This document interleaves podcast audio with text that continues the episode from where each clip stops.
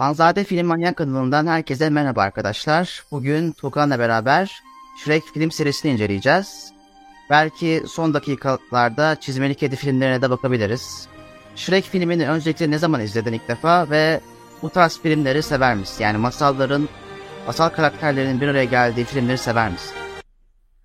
Ee, Shrek filmin ilk defa zaten bütün e, animasyon serüvenin başlaması gibi. CD'lerin işte eve geldi rastgele işte böyle kapağı hoşuma giden CD'lerin alınmasıyla beraber Shrek'le tanıştım. Yani direkt işte bu güzelmiş hadi alalım tarzında kapağından hoşlanıp ve ne bileyim o zamana kadar böyle tatlı kapaklar böyle tatlı karakterlerin olduğu kapakta birden yeşil bir e, ogre ogre'ı görmek böyle hoşuma gitmişti açıkçası. Hani onu alıp izlemeye başladığımda hani e, zaten o zamanki animasyonlardan farklı olduğu direkt belli ve bariz gözüküyordu. Hani gene bir hikaye evreninde geçiyordu ama farklı bir şekilde bir yorumlanmasıydı. Zaten e, senin zaten hani bu hikaye yorumlamaları Shrek'le beraber devam etti. Normalde hani daha böyle perili ve e, sihirli olan dünya e, Shrek'le beraber farklı bir yönden bakılmasına sağladı ve Shrek'le beraber de tekrardan e, başka animasyon şirketleri Disney olması bile değiştirmeye başladı bunları. Özellikle mesela Hook Wicked diye mesela bir animasyon vardı. Hikayelerin iç içe geçtiği. Kırmızı başlı kızın gizemle boğuştuğu mesela bir hikaye vardı. O da mesela Shrek sayesinde başladı. Çoğu kişi hani bu alanda başarısız olsa da başarılı olan kısıtlı örneklerden birisidir. Aynen. Ee, ben Shrek film serisi, Shrek birinci filmini ilk nerede izledim söyleyeyim mi? İlk e, Tabii ki de. anaokulunda izlemiştim. Anaokulunda bize Shrek 1'i koymuşlardı. İlk Shrek tecrübem böyleydi benim. Müşem. Ee, Tam öyle bir zamanında. Şimdi de- geriye dönüp baktığımız zaman Shrek'le alakalı çok fazla yetişkin esprileri varmış. Hı hı. Ee, o zaman bunu- bunları anlayamamıştım. Şimdi geriye dönüp baktığım zaman anlıyorum.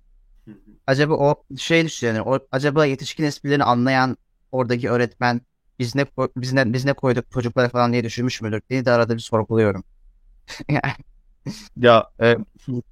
ya şey oluyor. O dönem çıktığında mesela çok ünlü olan bir filmdi işte. Hatta 2001 sanırsam olması gerekiyor yanlış hatırlamıyorsam. Evet. Ee, 2001 zamanında çıktığında hatta Cannes'e kadar falan ödül almaya gitmişti kendisi. Ödül alma değil hani aday gösterilmişti. Peter Pan'dan sonra Cannes'e aday gösteren ikinci animasyon olarak hatta şeye tarihe geçiyor.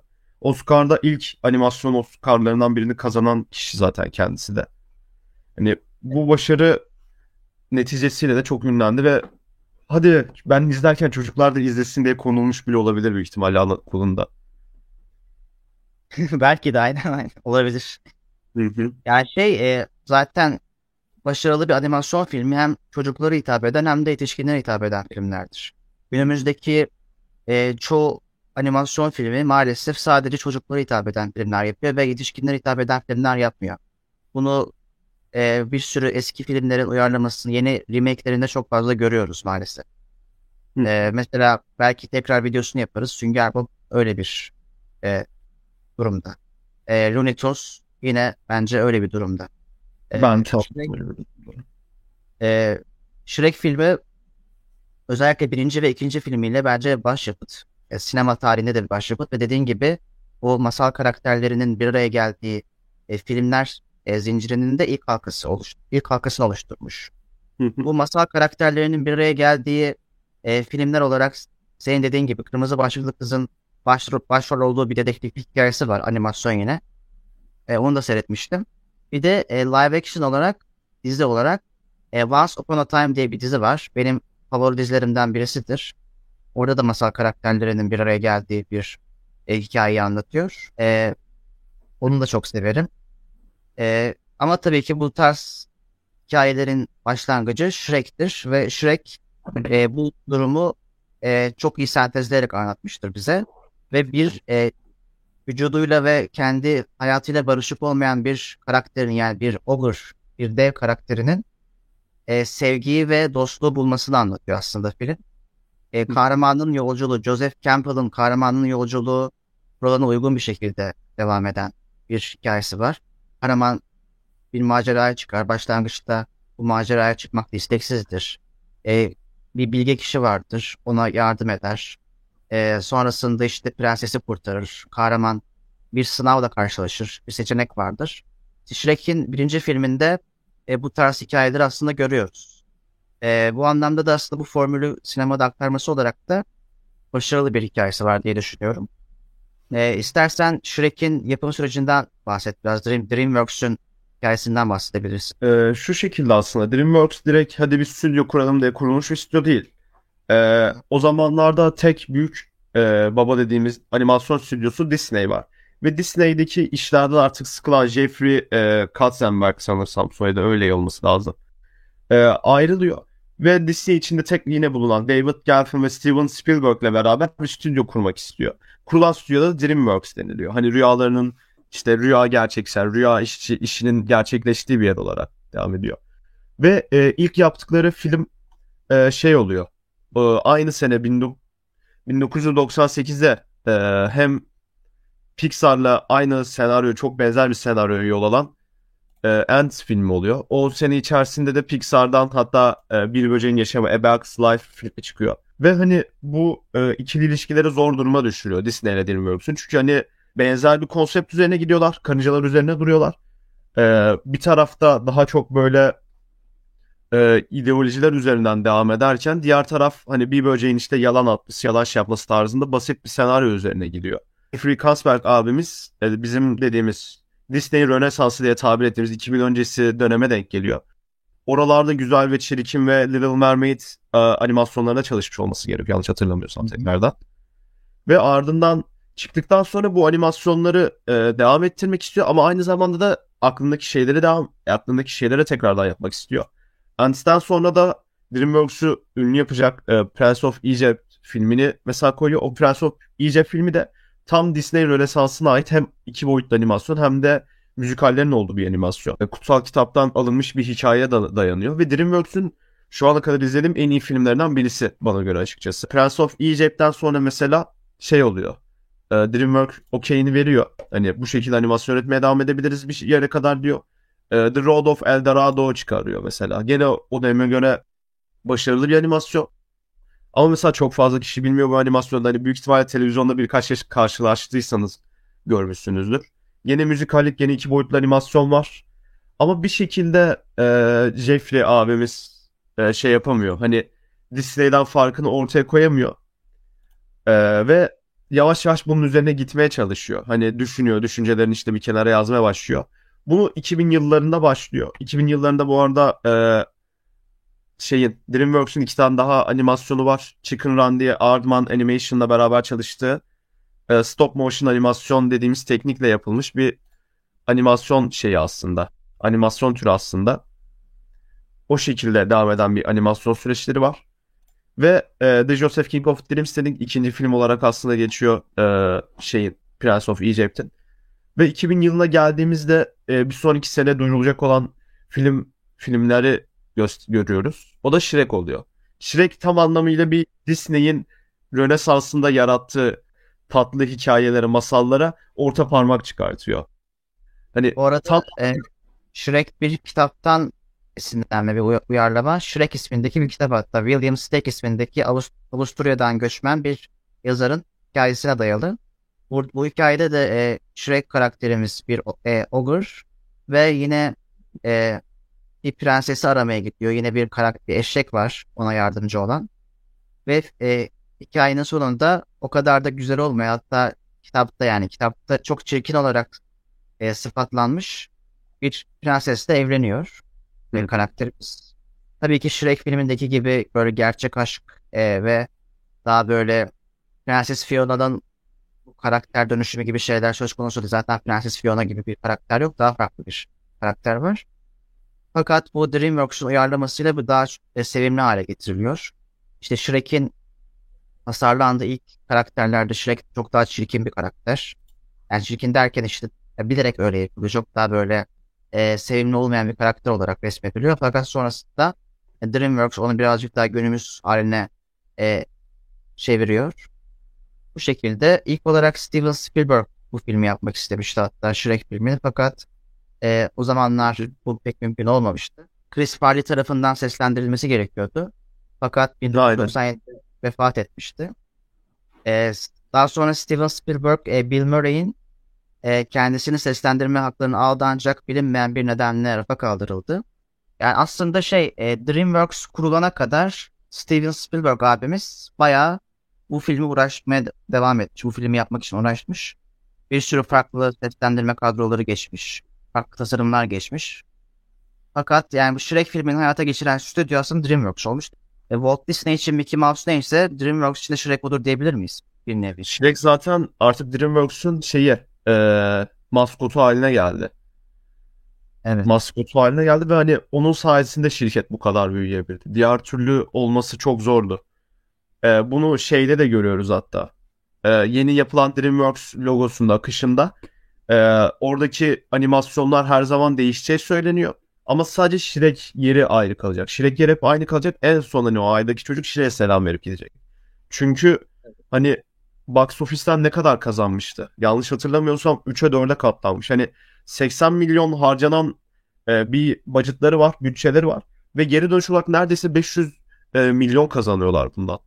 Yani şirketin asıl geri dönüşünü bunlar yapıyor. Yani bu eğer yaşanmasaydı Shrek bu kadar başarılı olmasaydı box office'te büyük ihtimalle DreamWorks'un hani sonu gelebilirdi ya da hiç şu an adını bile söylemiyor olabilirdik. Büyük şirketlerden birisi sayamazdık. Evet. E, Evet. Shrek'in yani orijinal seslendirmeni e, Mike Myers.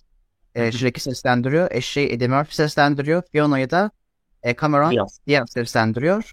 Çizmeli Kedi'yi de Antonio Banderas seslendiriyor orijinal versiyonlarda.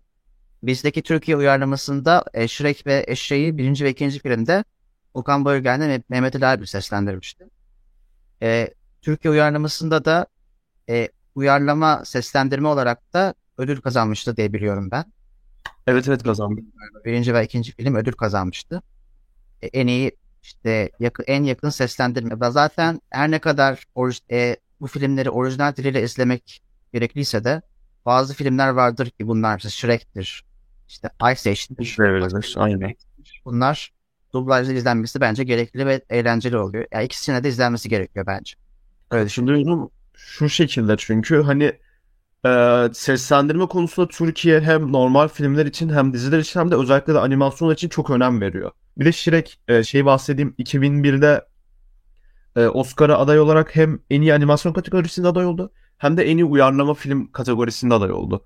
E, ve uyarlamada kazanamadı ama animasyonda kazandı ve rakibi bir şey ben Shrek'i sevmeme rağmen rakibi olan e, Pixar'dan çıkan Monster Inc.'i daha çok seviyorum açıkçası ve Monster Inc.'in kazanmasını kalbimden ne kadar istesem de Shrek'in hani bir dönüm noktası olması ve e, çok yenilikçi yapması kazanmayı hak ettiğini gösteriyor 2001'deki Oscar'ı.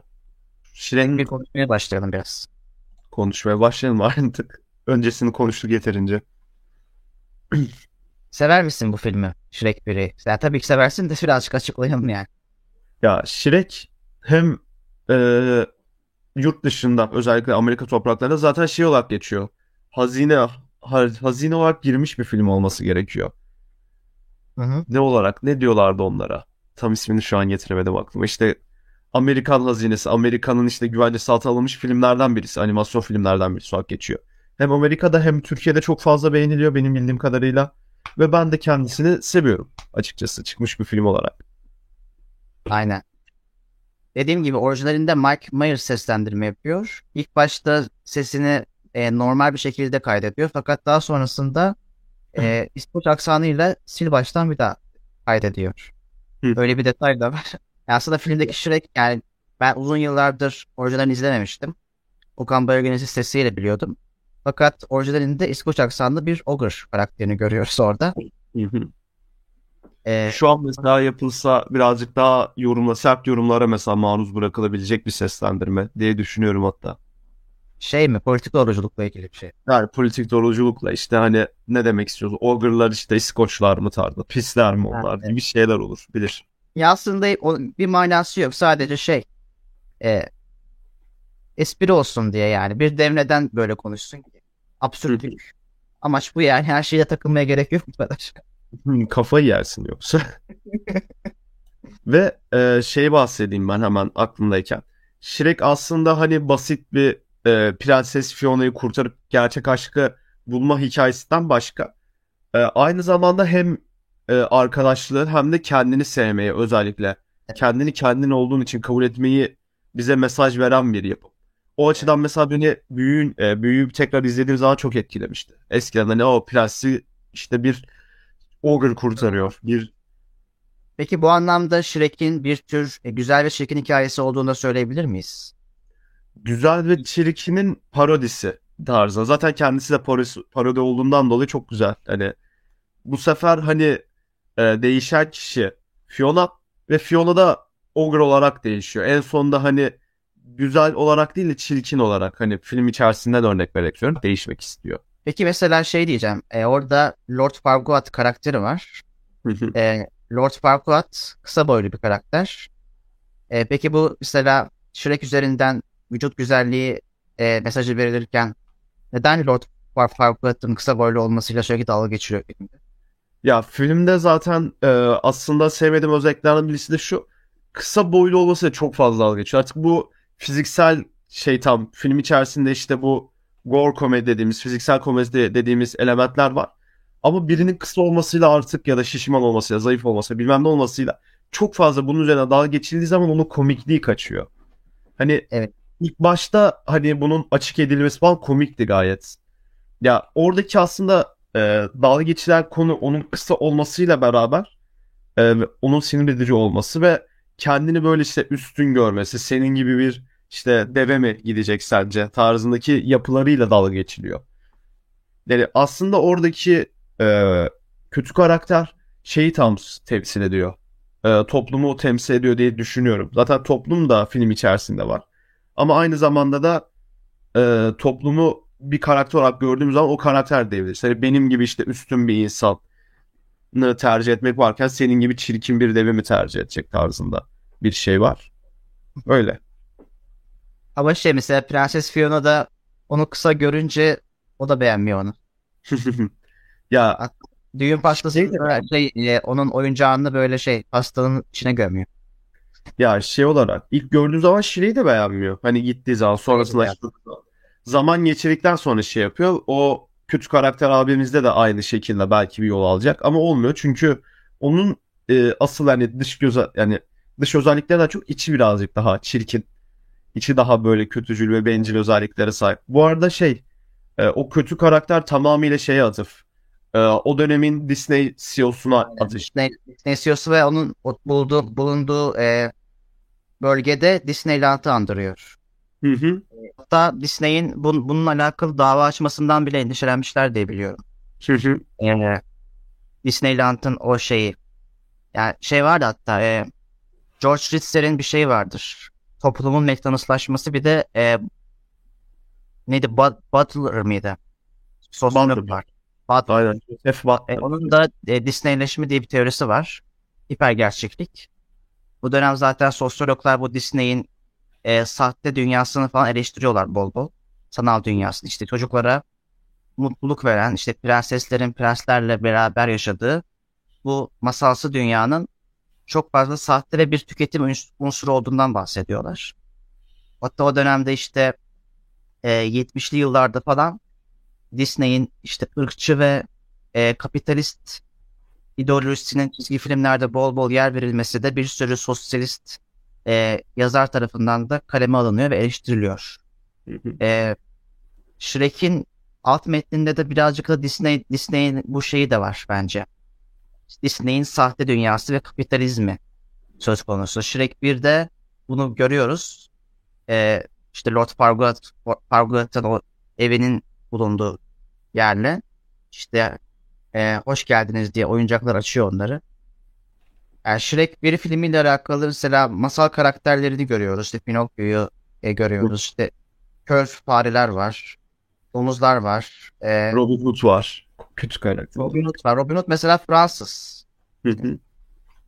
Orada Yani- Robin şey yapmışlar ya. Yani animasyonlar ve yazarlar o kadar fazla üstünde düşünmemiş gibi geliyor açıkçası. Hani çünkü hepsine bir karakter özel bir aksan verilmiş. Yani bu çizmeli kedide mesela İspanyol direkt. İspanyol Meksikalı mı? İspanyol ya İspanyol. Yani şey değil bunu. Ee, belirli bir şey altında hani şunları çılgın yapalım. Hadi bunların ideolojisi üzerinden gidelim tarzda bir şey değil aslında yaptıkları diye düşünüyorum ben. Zaten e, Shrek ırkçı bir şey olsaydı zaten e, Ogur'la e, prenses prensesin bir aşkını anlatıyor. Yani farklı e, türlerin, farklı insanların bir, bir, araya gelebileceği mesajını verebiliyor. Ve bunların bir şekilde de mutlu bir şekilde olabileceğinden bahsediyor. Yani Ya birinci filmde daha yalnız gelemez. Birinci filmde zaten sonlara doğru artık şey e, verilmek istenen mesaj. Kendini kendin olduğun için sev ve e, seni seven kişiler zaten seni kendin olduğun için seviyor. Mesela Prenses Fiona'dan önce en önemli karakterlerden birisi eşek. Evet.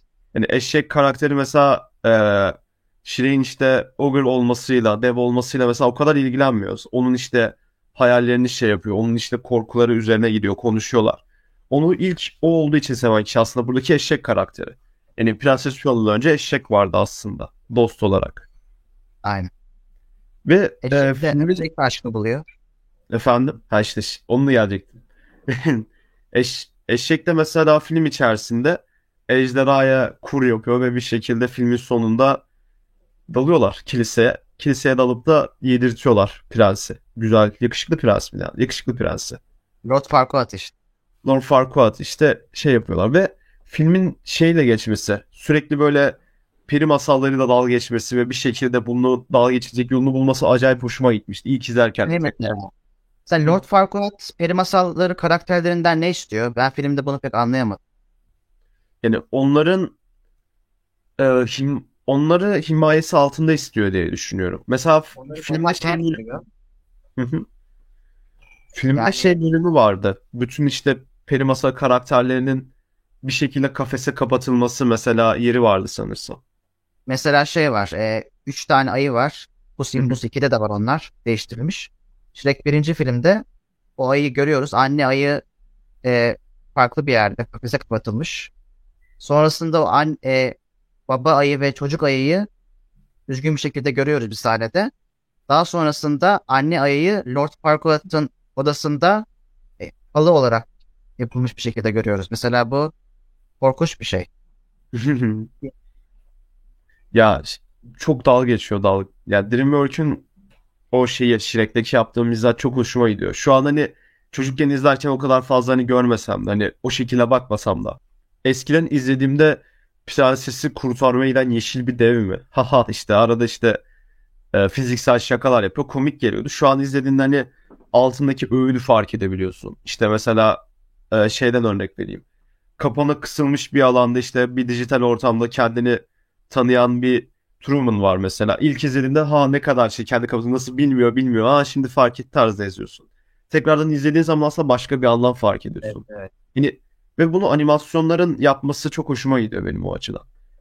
Yani Bu arada filmin favori karakterlerinden birisi Kurabiye Adam bence. hı hı.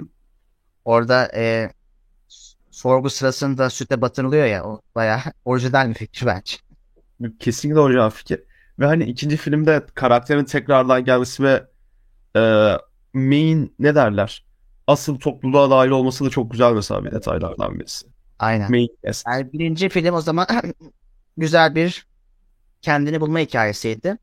İkinci filmde e, ana karakterlerimiz bu mutluluğu ne kadar sürdürebilecek onu anlatıyor aslında diyebilir miyiz? Bu mutluluğu Ya- yaş- yani şey vardır ya masallarda sonsuza kadar mutlu yaşadılar derler ya. Ama aslında yani evlenerek biterler. Fakat aslında asıl hikaye bundan sonra başlar. Yani evlilikle beraber başlar. Bir nevi Shrek 2 de aslında bu mutlu son sonun devamından olduğunu anlatıyor ve hala e, benzer zorlukların da devam ettiğini anlatıyor. Ya birinci film nasıl kendini olduğun gibi sevmeyse ikinci filmde kendini kendini işte başkalarının gözünden olduğun gibi kabul etmeye aslında açıklıyor. Hani Shrek'in ikinci filmdeki düşüncesi şu şekilde. Ee, hani ben Prenses Fiona'yı hak etmiyorum. İşte günlüğünü buluyor. Orada işte ben yakışıklı prensle evleneceğim, yakışıklı prensle olmalıyım mesela metinlerini görüyor. Ve kendinden emin olmaya başlıyor. Ben onun aradaki kişi değilim, ben onun hayallerindeki insan değilim de kendinden şüphe duymaya başlıyor. Ve bunun üzerinden gelişen bir hikaye var. İşte kendini tekrardan yakışıklı yapabilmek için prenses, e, prenses demişim, e, sihirli anneye gidiyor. Anne miydi? Ve Efendim? Feyirli Godmother. Feri anne. Ha. E, peri anneye gidiyor. Ya orada gene yakışıklı olsa bile bir e, yakışıklı prens olamayacağını anlıyor. Hani tekrardan onun dönüş öyküsünü gör- gözüküyoruz ve sinema tarihindeki en iyi ikinci filmlerden biri olduğunu düşünüyorum Shrek 2'nin. Hem evreni genişletiyorlar hem yeni sorunları bize gösteriyorlar. Hem de yeni karakter tanıtmalarıyla beraber yeni kötü karakterler özellikle tanıtmalarıyla beraber e, şey yapılıyor. E, evren genişletiliyor. DreamWorks filmlerindeki karakterlerin kötü olmasını ve kötülüğü işte anlatması konusunda en iyi yapan stüdyo. Mesela Disney'de Pixar'da bunu çok az görsek, ender görsek de DreamWorks'un neredeyse her filminde bunu görebiliyoruz. Shrek 3 hariç. Ee, Shrek'in işte filmlerinde bunu görüyoruz. Kung Fu Panda'da bunu görüyoruz. How to Train Your Dragon'da bunu görüyoruz. Çok güzel kötü karakter yaratıyorlar. Ve hani bunu bize benimsetiyorlar, gösteriyorlar da direkt. Madagaskar'da bunu görüyoruz. Evet. Peki Shrek e, filminde senin en beğendiğin sahne hangisiydi? Hikaye mesela. Shrek 2'deki mi? Hı hı. Shrek Benim 2 ben direkt söyleyeyim şey e, Peri annenin I, I Need a Hero şarkısını söylediği ve o sırada bizimkilerin o meydana daldığı sahne. En iyi Benim sahne de- bence. Hatta sinema tarihindeki en iyi sahnelerden biri bile olabilir. Bilmiyorum. olabilir ya. Şey zaten direkt. E, third, act, third act olarak geçiyor sanırsam değil mi? Yanlış tabiri, terimi o. Ya üçüncü aksiyon sahnesi olarak geçiyor ve Hit It'le beraber başlıyor. Böyle, Hit It. Aa, aa. Yüksele ve oradan sonra hem e, koreografi anlamında, animasyon koreografisi anlamında hem de arkadaki vokallerle beraber sürekli böyle gaza gelip böyle böyle filmi izleme sebeplerinden biriydi mesela orada. I Need Hero yorumu çok güzel. E, fe, e, Peri- I Hero'nun bizim versiyonu da Ajda Pekkan'ın şarkısı olarak söylüyorlar o da. O benim dünyam diye. Bence o da hoş durmuş ya. Hoş durmuş. Ya şey nasıl diyeyim şarkı çevirme konusunda da çok iyiyiz bence. Aslan Kral'ın mesela Türkçe çevrilmiş şarkıları da çok güzel. Evet. O o sahne çok güzeldi ve e, şey olması tekrardan öncesinden de söylediğim yani kendini normal insan formuna bürünse bile hani Fiona'nın istediği kişinin o insan formu değil kendisinin olduğunu anladı. Hani yakışıklı prensin gördüğü ve Peri anneyle konuştuğu sahne de olabilir. Ya da şeyi gördüğümüz sahneler. Bu Kral Harold'un işte e, şeydi zehirli elmanın zehirli elma barıydı sanırsam. Zehirli elma barına Evet. gittiği yer mesela. O da güzel bir sahneydi. Kral, Kral Harold çizmeli kediyi de mi orada buluyor? Hmm, onu bilmiyorum. Emin değilim o konuda. Sanırsam orada buluyor ama ya. Çünkü çizmeli kedi de kiralanmıştı değil mi? Film içerisinde. ya kedinin orijinal storiesini de sonradan konuşacağız birazdan. Evet evet. Yani o şekilde gelişen bir karakter var ve e, film içerisinde şeyi de çok güzel yapıyor e, animasyon. Sırf Shrek ve Fiona'ya odaklanmak yerine Kral Harold ve e, eşine de odaklanıyor. Eşinin ismini unuttum şu an. Lilian. Ha işte onlara o iki karakteri mesela da aynı zamanda odaklanıyor. Yani e, şeyin objektifini sadece ana karakter üzerinde tutmuyor. Aynı zamanda ana karakterlerin bağlı olduğu insan üzerinde de tutması güzel bir etki yaratıyor Evet. açıkçası. Ve Kral Harold'un da kurbağa olduğunu öğreniyoruz filmin sonunda. Kral Harold'un kurbağaya döndüğünü öğreniyoruz. Ha şey önceden kurbağa olduğunu evet evet. Hı hı. İşte hani zaten filmde foreshadowing çok fazla yapılıyor. Bu e, şey kraliçenin şeyle kralla konuşma sahnelerinde işte arka planda nilüferler var. İşte benim ilk öpücüğüm o zamandı falan diyor. İşte sen de ilk öpücüğüm orada geçti diyor. Birkaç kurbağa figürü var mesela tekrardan. Evet bir tane e, o, o barda bir tane kurbağa görüyor. Kral Harold başta kurbağa şey diyor. Seni tanıyor olabilir miyim diyor. Kral Harold da endişeli bir şekilde hayır hayır karıştırıyorsun falan diyor. İşte hani şeyi güzel. Yani cidden sadık kaldığını gösteriyor. İkinci filme kadar Shrek'in sadık kaldığını gösteriyor. Bir de e, şöyle bir arka plan var aslında. Shrek 1 başarılı olduktan sonra stüdyo direkt tamam Shrek 2'yi çekeceğiz diyor. Bu bizim franchise'ımız olacak diyor. Toy Story'den hani birazcık daha yön alıp. Hı. Ve e, 3D animasyon olarak şey yapmaya devam ediyorlar. 3D animasyon da yapmaya devam edeceğiz diyorlar. Bunu ilk Ents'te yapmışlardı. Ondan sonra zaten 2 boyutlu animasyon çıkardılar Shrek'le beraber. İşte daha böyle e, mükemmel iyilik temsili karakterler değil daha böyle anti-hero tarzında. içinde hem iyiliğin hem kötülüğün bulunduğu karakterler yapmalıyız diyor. Ve Shrek 2 çıkaracakları sene bir tane daha film çıkaracaklarını söylüyorlar. Bu da Shark Tale. E, Shark Tale'la Shrek 2'nin zaten farkını direkt e, görebiliyoruz. Shark Tale'daki hem iyi hem kötü olan karakter aslında kötü olan da içinde arada sırada böyle minik iyilikler yapabilen bir karakter diye gözüküyor ve çok yanlış bir e, mesaj veriyor. Hem büyüklere hem küçüklere. Yani ve animasyon anlamında Shrek'te başarılı olan e, stüdyo Shark da çok e, şey yapıyor. E, nasıl diyeyim? Tökezliyor. Aynen. E, e, bu arada şey Shrek 2 gelmeden önce DreamWorks Studio e, iki tane daha animasyon yapıyor. Onlar da gene işte e, iki boyutlu animasyona sadık işte devam ettiririz diye düşünüyorlar.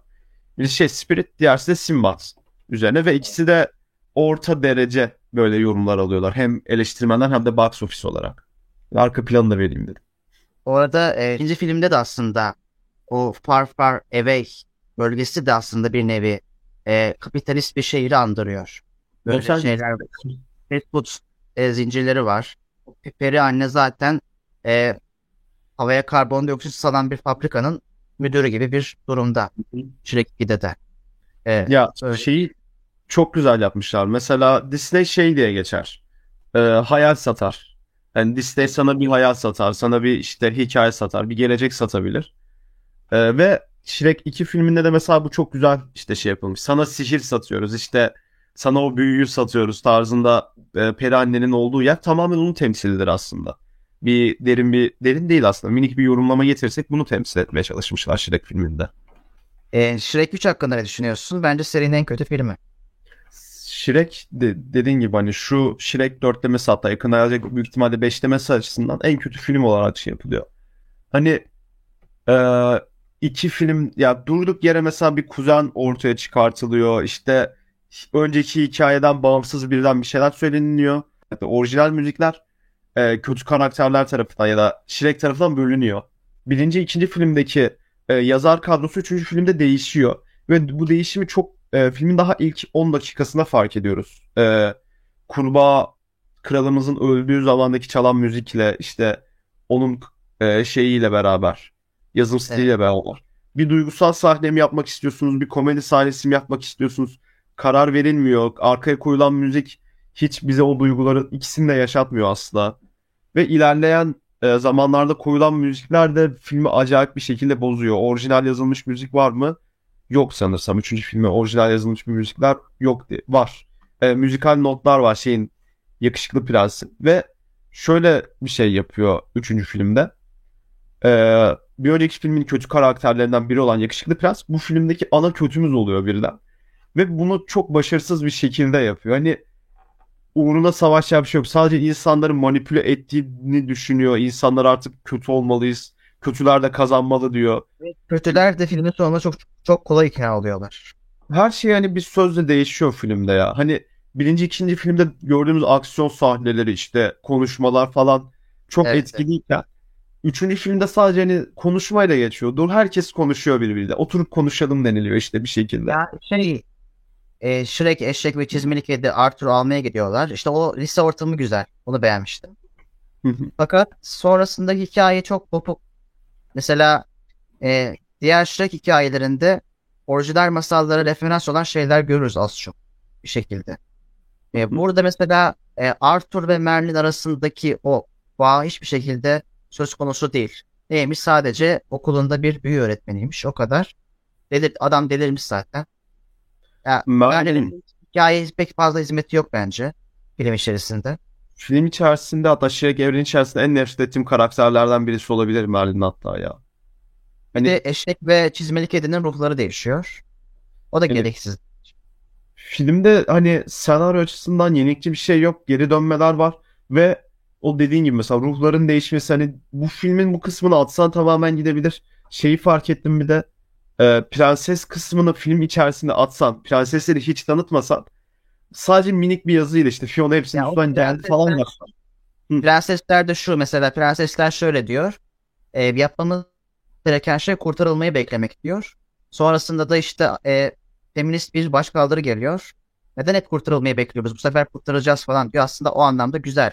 Çünkü Disney masalları işte Pamuk Prenses, Cinderella falan hep yakışıklı prensler tarafından kurtarılan pasif karakterler olarak resmetmiş.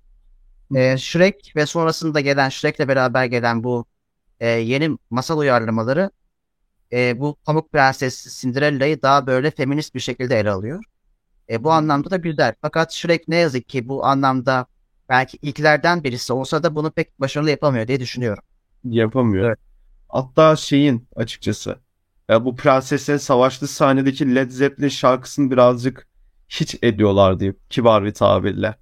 Hani bu e, şey e, Pamuk Prens'in bağırarak girdiği şarkının başı özellikle hani tekrar izlediğin zaman o sahneleri bir daha bir daha açıp izliyorum açıkçası. Küçükken hoş gelse de şu an bir daha izlediğim zaman hani ne kadar gereksiz olduğunu ya da ne kadar hani e, uygunsuz kaçtığını görüyorum oradaki Bir de şey, e, Rapunzel neden kötü birdenbire? O da çok gereksiz bir twist yani.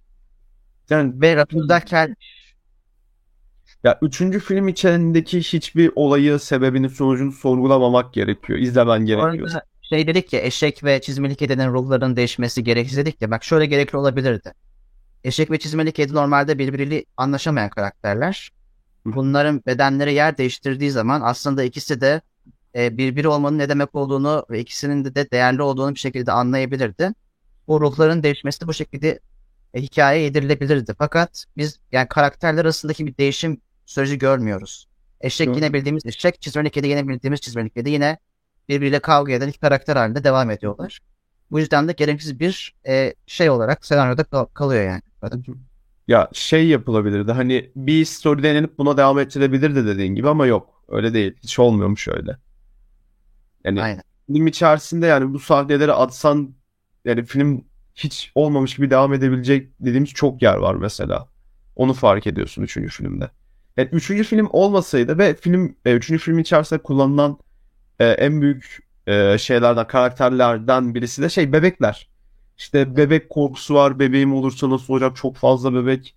Ve hani o rüya sahnesi özellikle rüyadan uyanış sahnesi de dahil olmak üzere çok kötü şekilde kurgulanmış ve hani yazılmış bir sahne. Hani sen bir şeyden Evet, korktuğunu Evet, evet. Yani sen bir şeyden korktuğunu onu göstererek değil de onu hissettirerek vermen gerekiyor izleyiciye.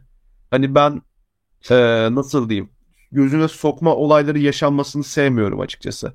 İşte bebeğin Evet. kusmasını vermek yerine hani onu yaşatacak şeyler verebilirsin. Mesela filmin bir sahnesinde Tepegöz'ün işte kızını eline alıp Aa kızım ben çirkin bir canavarım sen de bir çirkin canavarsın ama seni işte ben böyle seviyorum demesi tamamen göze parmak olan bir şey. Yani film bunu çok fazla yapıyor. Kendi içerisinde kendine tekrar Ama ediyor. bence o sahne şeyden daha güzel. E, yine bir e, gösterme, sembolizm söz konusu ya. O yüzden birazcık daha da yani. rüyadan daha güzel yani.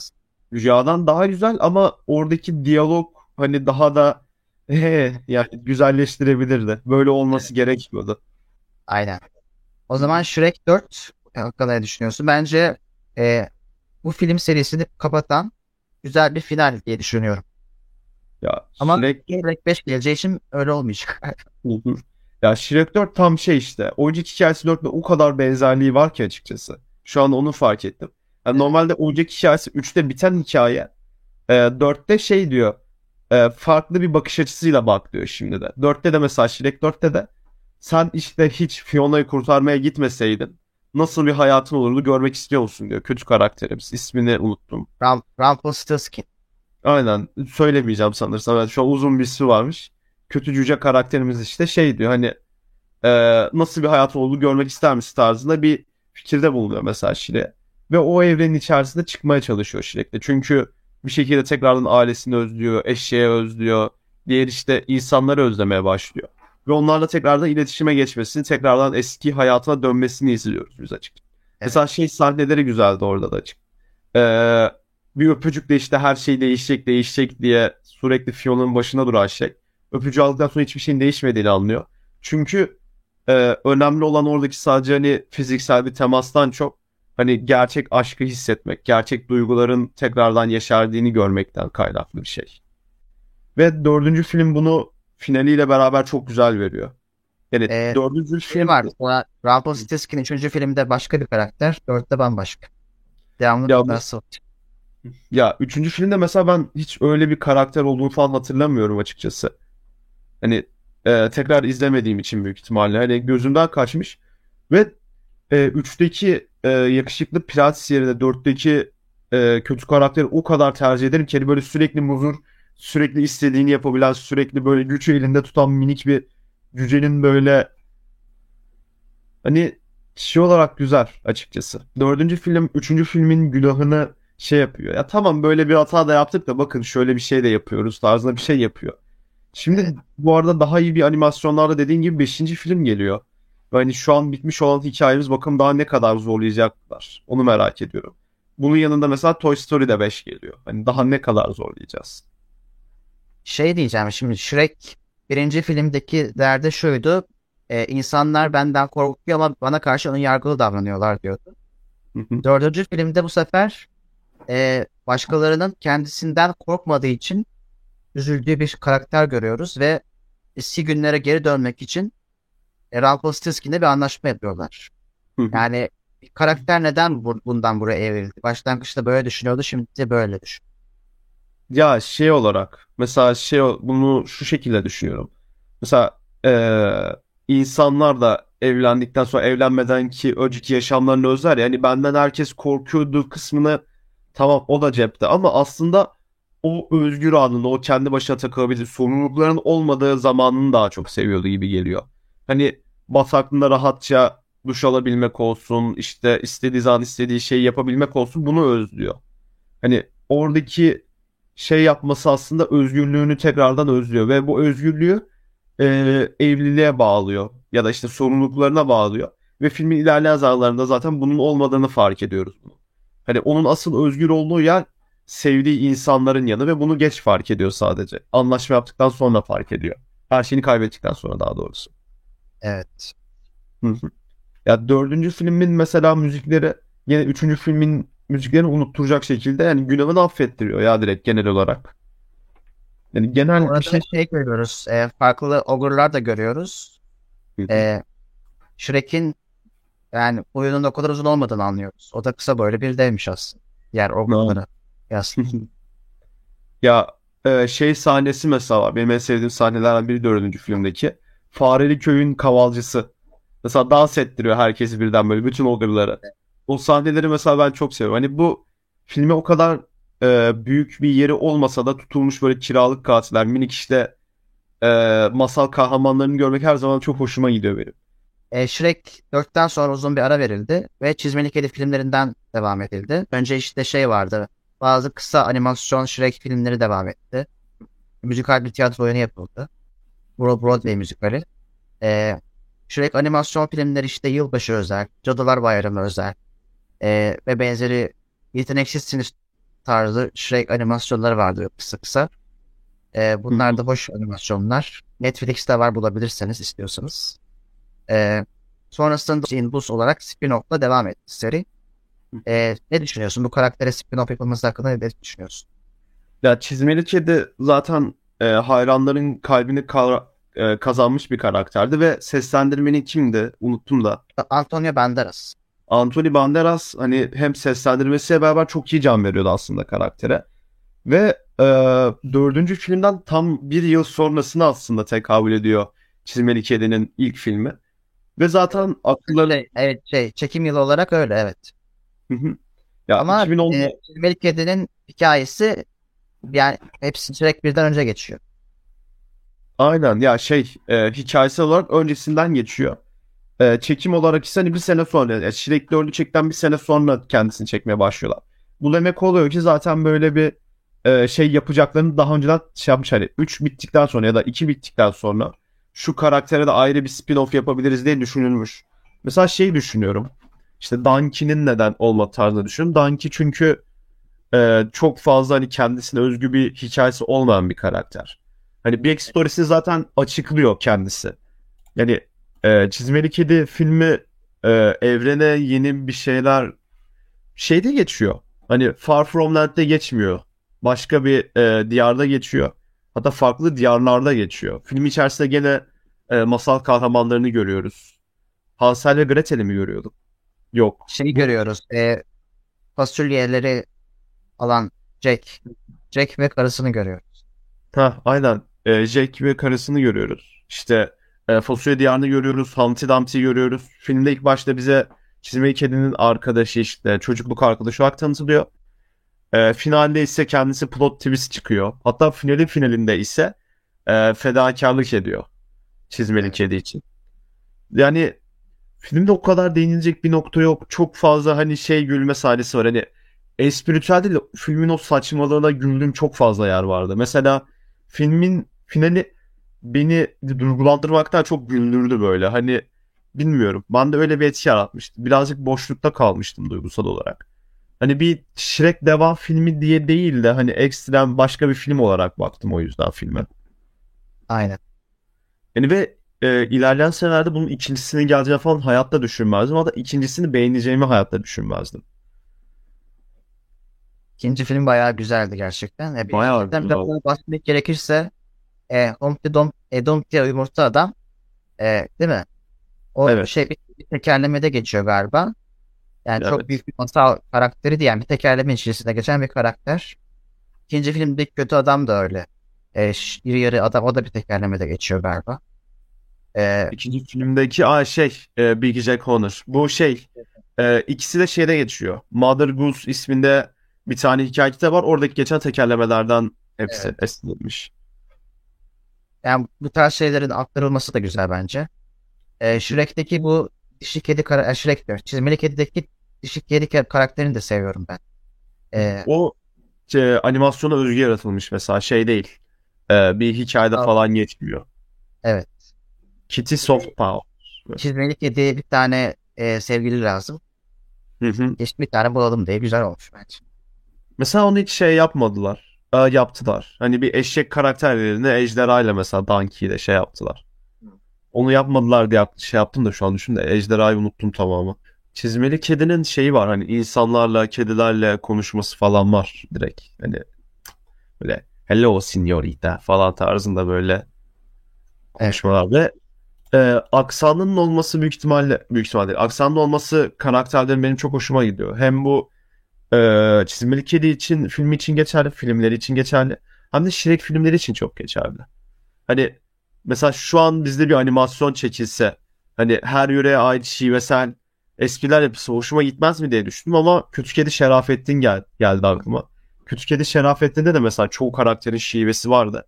Ve çok hoşuma gitmişti. Bu karakteristik bir özellik sağlıyor. Hani bunun üzerinden espri yapılmıyor. O kadar fazla üstüne de gidilmiyor. Ama bunların olduğunu ve e, karaktere ikinci, üçüncü bir boyut kattığını da görebiliyorsun. Yani çizmeli kedi bir kısacası işte ters köşesi birazcık gereksiz buldum. E, ilk act'i yani birinci aşaması iyi olan bence güzeldi. Çizmeli kedi birin bu şey e, e, okulda geçirdiği anılarını anlattığı kısımlar ve sonrasında e, ve birlikte maceraya soyguna çık- çıktıkları sahneler bence güzeldi. Ama sonrasında işte e, Yumurta Adam'ın onlara oyun yaptığı gibi sahnelerle bence biraz sıkıldım. Yani bence biraz film e, o akıştan kopmaya başlamıştı. E, ama sonu güzel bağlanmıştı. E, fena bir film değil de güzeldir. Ama ikinci film çok çok daha güzel bir film. Biraz ikinci filmden bahsedelim. Hı hı. Ya şu şekilde ikinci film yani deseler bana hani e, Çizmeli Kedi 2 çekeceğiz. Bundan tam 11 yıl sonra müthiş bir film çekeceğiz Çizmeli Kedi 2'ye. Senaryosu olsun, animasyon kalitesi olsun değil ama. Ama hani e, 2022'de çıkan Çizmeli Kedi 2 filmine baktığımız zaman yani wow diyorum. Hani büyük ihtimalle Oscar'da kazanması gereken film hatta ne kadar hani 2022 senesinde çok iyi filmler çıkmış olsa da hani hem anksiyete hem ölüm korkusunu işliyor. Bunu çok güzel bir şekilde anlatıyor. Ve filmde bak şöyle bir aptallık da yapmıyor film. Ben sonunda ölümü yendim, ölümü dövdüm diye bir film bitmiyor. O beni mesela çok etkilemişti. Eğer bu filmin sonunda e, ölümü öldürseler ya da e, ölümdeki savaşı çizmek kedi kazansa film tamamen gözümde biterdi. Çünkü e, ölüm yenilmez, ölümün üstünden gelinmez. Hatta tekrar karşılaşacağımızı biliyor musun falan diyor tekrardan. Çünkü ondan kaçamazsın. Yapacağın şey bu senin. Yani hayatını ona göre yaşayacaksın. Bu korkun her zaman olacak. Yani senin mesela çizmek gibi kedi gibi 9 hayatın yok. Bir hayatın var. Ve bunu göze alarak yaşaman gerekiyor. Hayatını buna göre hani dolu dolu yapman gerekiyor. İlk karşılaşmasında mesela hayatları gözünün önünden geçen çizmeli kedi. İkinci karşılaşmasında sadece son yaşadıkları hayat gözünün önünden geçiyor. Çünkü önemli olan önceki yaşadıkları hayat değil, şu anki yaşadığı hayat. Yani onu çok güzel veriyor film ve filmin her dakikasında o soundtrack'i olsun, müzikleri olsun çok etkilemişti beni. Bilmiyorum. İkinci film Shrek mesela Shrek bütün külliyatın önüne koyduğunda büyük ihtimalle çizmeli kedi 2 hepsinin üstüne koyabileceğimi düşünüyorum ya. Ben bayağı etkilenmiştim filmde. Shrek 1 ve Shrek 2 ya bence yine hala biraz daha yani o duygusal olarak belki. Hmm. Olur. Ya benim sıralamam şey şeklinde hani Çizmeli Kedi 2, Shrek 2, Shrek 1, Çizmeli Kedi, Shrek 3, aa pardon. Ee, yani baştan saymayayım ne gereksiz. Birden bütün hepsini sayıyorum boş ver. Yani bilmiyorum. O yüzden hani e, Çizmeli Kedi yeni çıkmasına nazaran gene kalbimde yer eden bir yapım oldu benim ya. Shrek'lerin hepsinde göze aldığımız zaman. Aynen. Ya bir de şey e, kız kardeş şey 3 ayı ve kız karakteri de bence iyi karakterlerdi. Onları da e, izlemesi zevkliydi. Ya E, Film- o ölüm karakterinin seslendirmeni harikaydı. Ve Yani- şey var mesela e, ölüm karakterini kurt olarak görmemiz mesela çizmeli kedinin kedilerin o hayvandan korkması yüzünden en korktuğu hayvan olarak bana gözüküyor diye bir şey de vardı. Varsayım da vardı. Hmm. Yani ilk başta mesela e, fragmanlarda tanıtırken Big Bad Wolf diye tanıtıyorlardı mesela. Yanlış hatırlamıyorsam. Hani ölüm olduğunu direkt söylemiyorlar ve film içerisinde de sonuna kadar saklanıyor aslında. Bir de şey var. E, çizmeli kedi 9 canını kaybettiği sahnelerde o ölüm karakteri arkada böyle gözüküyor. Öyle videoyu durdurup bakarsan görürsün. Oğlum. Öyle detaylar da var. Bunlar da güzel. Ya film içerisinde hani cidden sevilerek ve uğraşılarak yapılmış olduğu gözüküyor. Hatta şu aralar yeni şeyler çıkmaya başladı. Hani e, küçük shortları çıkmaya başladı. İşte çizmeli kedi bu hayatımı nasıl kaybettim? İşte şu hayatımı nasıl kaybettim tarzında animasyonları da çıkmaya başladı. Reklam şeyleri çıkmaya başladı. Ya onlar bile hani tam izlenebilecek şeyde. Filmin tek mızmızlanacağım iki yönü var. Bu e, kadının evinde geçen sahnelerin birazcık uzun kaçması. Bir ikinci de şu şekilde filmin içerisinde e, Goldilocks ve e, Üç Ayı'nın sürekli işte just right aynı şeyi böyle söylemeleri işte tam kararın kara tam kararında demeleri birazcık şey yaptı beni hani. E, birazcık fazla mı oldu tarzında diye düşündüm ama güzeldi o da ya. Hani Big Wolver mesela e, şey karakter. Büyük karakter zaten mükemmel bir şeydi. Sadece hani kötü. Sadece kötü olmaya yoğunlaşmış. Ne bir işte geçmişinde bir sıkıntısı var. Hani tek sıkıntısı hani yeterli ilgiyi almaması. Bu kadar. Yani bütün sihir- sihirsiz yaşaması o evrende. Bir insanı kötü yapmaya bu bile itebilir diyor sana karakter. İşte şu eğer karakter bu sayede iyi de olabilir, kötü de olabilir. Ve hani sadece kötü olmuş. Yani mükemmel bir karakter ya. Hem de ya, bütün kötülerini çok sevdim. E, Çizme Kedi 2'deki bütün karakterler çok güzeldi. Genel anlamda. Şey peki o kızın daha sonrasında ayı ailesiyle birlikte kalmayı tercih etmesi hakkında ne düşünüyorsun? Ya bir şeylerin hani şey oluyor. Ee, nasıl diyeyim? Hani karakter gelişmesi var olduğunu gösteriyor. Film önemsiyor bunları çünkü sana. Gösteriyor da. Hani senin tamam en başından beri sen aileni arıyorsun. İnsan aileni arıyorsun. Ama senin insan ailen aramıyor bile. Sen asıl halini bu şekilde bulmuşsun olduğunu gösteriyor. Hani bu filmde tek hani katarsi hak etmeyen ve zaten olmayan kişi de şeyde büyük abimizdi. Evet. O da çok güzel bir şekilde sonu geliyor böyle. Hani tam her şey gerektiği gibi. Just right her şey. Şey, filmde e, dileği buluyorlar fakat dilek dilemekten vazgeçiyorlar. Hı hı. Sence doğru mu yaptılar? Dilenebilirdi ya. Ben şeyin küçük köpeğin dilek dilemesini isterdim açıkçası ya. Mesela o köpeği ilk gördüğümde ha tamam işte başımı sıkacak bir karakter. İşte filmi soğutup benden soğutacak bir karakter bulduğumu düşünmüştüm. Hani sürekli böyle espri yapacak, sürekli sevilmeye çalışacak falan. Ama filmin içerisinde o kadar güzel yerlere konulmuş s- diyaloglar vardı. O kadar güzel hani e, interaktif şeyleri vardı ki film içerisinde. Hani karakter soğumak yerine karakter beni daha çok içine çekti. Hani bu şey sahnesi özellikle. Büyük savaş sahnesinde çizmeli kedinin e, kaçıp sonra köpeğin hani bir terapi köpeği olmak isteme hayali vardı. Mesela orada gerçekleşti işte böyle kucağına yatıp onu sevmesine izin vermesi özellikle. Çok hani küçük detaylar vardı. Çok güzeldi ya. Peki e, sence Çizmeli Kedi 3 mü gelir, Shrek 5 mi gelir? Shrek 5 önce gelecek. Çizmeli Kedi 3 gelmeli mi? Çizmeli Kedi 3 gelmeli mi? Bilmiyorum. Çizmeli Kedi 3 de gelecek büyük ihtimalle ama Shrek 5'te biz Çizmeli Kedi'yi yine göreceğiz gibi duruyor. Hani şeyi sokacaklar mı onu merak ediyorum sadece şu an. Ee, Kitty Soft Ball'ı sokacaklar mı?